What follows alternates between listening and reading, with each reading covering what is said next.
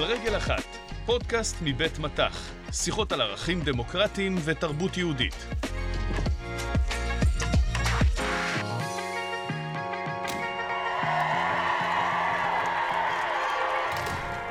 עומר, חכה. די, אין לי כוח. משחק שלם ולא שריקה אחת לטובתנו. אתה מגזים. גם לכן הוא נתן כמה בעיטות חופשיות. אתה אפילו עשית אחת מהן. נתן לנו חצי מלהם, ועוד הפנדל הזה בשנייה האחרונה? עזבי, שופט מכור. כולנו ידענו שזה יהיה ככה. הוא היה פעם שחקן בקבוצה שלהם. ברור שככה הוא ישפוט. אם הוא באמת שפט לטובתם, זה לא פייר.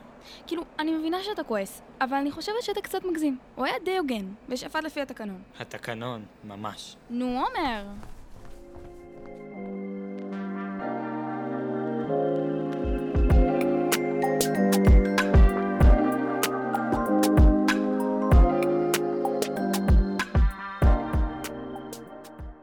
מה אתה חושב, עומר?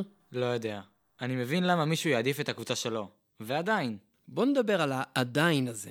קודם כל, ברור שגם אם שופט פסק באופן אחר ממה שאנחנו היינו פוסקים, זה לא אומר שהוא העדיף מישהו אחר, או שהוא פסק לא בצדק. זה מה שגם אני ניסיתי לומר לך, עומר. בסדר, נו, מרוב עצבים לא באמת הייתי מסוגל להקשיב. לא מזמן הייתה לי שיחה עם אלה ונועה, חברות שלכן, על הערך של שוויון.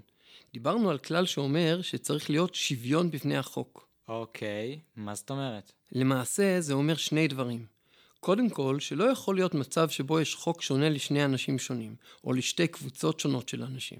למשל, לא יכול להיות שיהיה חוק אחד לבעלי עיניים ירוקות וחוק אחר לבעלי עיניים חומות. או למשל חוק שונה לאנשים מנהריה ולאנשים מעכו. בדיוק. אוקיי, אבל כן יש חוקים שונים. למשל, אסור למכור לי אלכוהול, ולאחותי, שכבר בת 18, מותר. טוב, זה לא קשור. בשתייה של אלכוהול יש אחריות. אז שמים לזה מגבלה של גיל.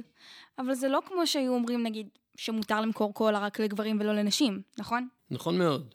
יכולים להיות הבדלים ענייניים, כמו האחריות שניתנת למבוגרים ולא לילדים. או נגיד, בקבוצת הכדורגל שלך, עומר, אני בטוח שהיו מבחני קבלה שבדקו את היכולות של השחקנים ולא בחרו כל אחד. כן. אז אסור שיהיה חוק שונה לאנשים שונים בלי שזה יהיה רלוונטי לעניין עצמו. ואמרת שיש עוד משהו? כן, הדבר השני הוא שצריך להכיל את החוק באופן שווה על כולם. למשל, אם החוק קובע שאסור לעבור באור אדום, אי אפשר להעניש רק אנשים מסוימים שחוצים באור אדום ואחרים לא. יכולים לחשוב על עוד דוגמאות? אם המורה לגיאוגרפיה מרשה לאכול בשיעור, אי אפשר שלחלק מהילדים ייתנו ולשאר לא. מדבר מניסיון. דוגמה יפה. הרעיון של שוויון בפני החוק מופיע בחוקות של מדינות רבות.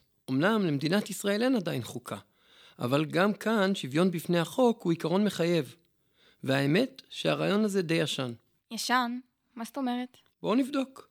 נתחיל למשל בתרבות היהודית העתיקה. באמצע ספר דברים יש הנחיה למנות שופטים שישפטו משפט צדק. משה מסביר מיד מה זה כולל. לא תטה משפט ולא תכיר פנים. תטה? כמו להטות? כאילו? בדיוק, משה אומר שאסור להטות, כלומר להזיז את המשפט מהאמצע לצד. המשפט תמיד צריך להיעשות כאילו השופט עומד באמצע בין הצדדים ולא נוטה לשום כיוון. אז איך השופט אמור להחליט? הרעיון הוא שהשופט צריך להיות אובייקטיבי, לגשת אל הדיון כאילו ברור לו שכל אחד מהצדדים יכול להיות צודק, ולא לקבוע עמדה מראש. אחרי שהשופט שמע את הטענות ושקל את הראיות, הוא כמובן חייב להחליט.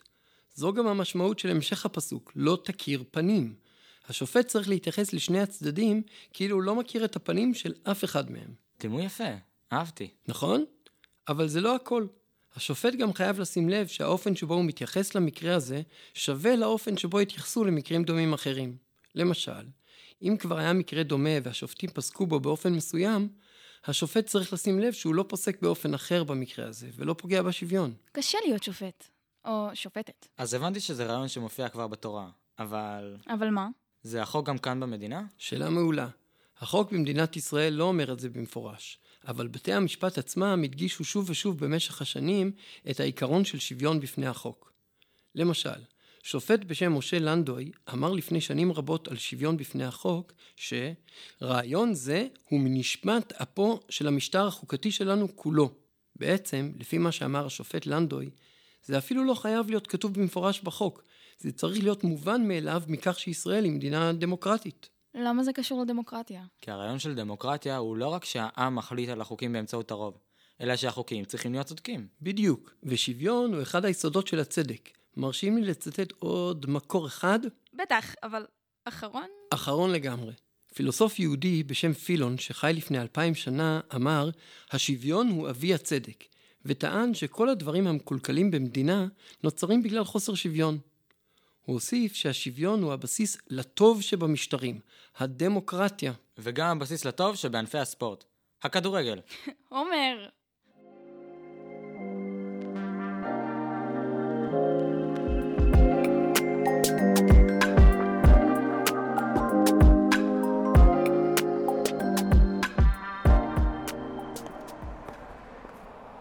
אז מה הוא אמר?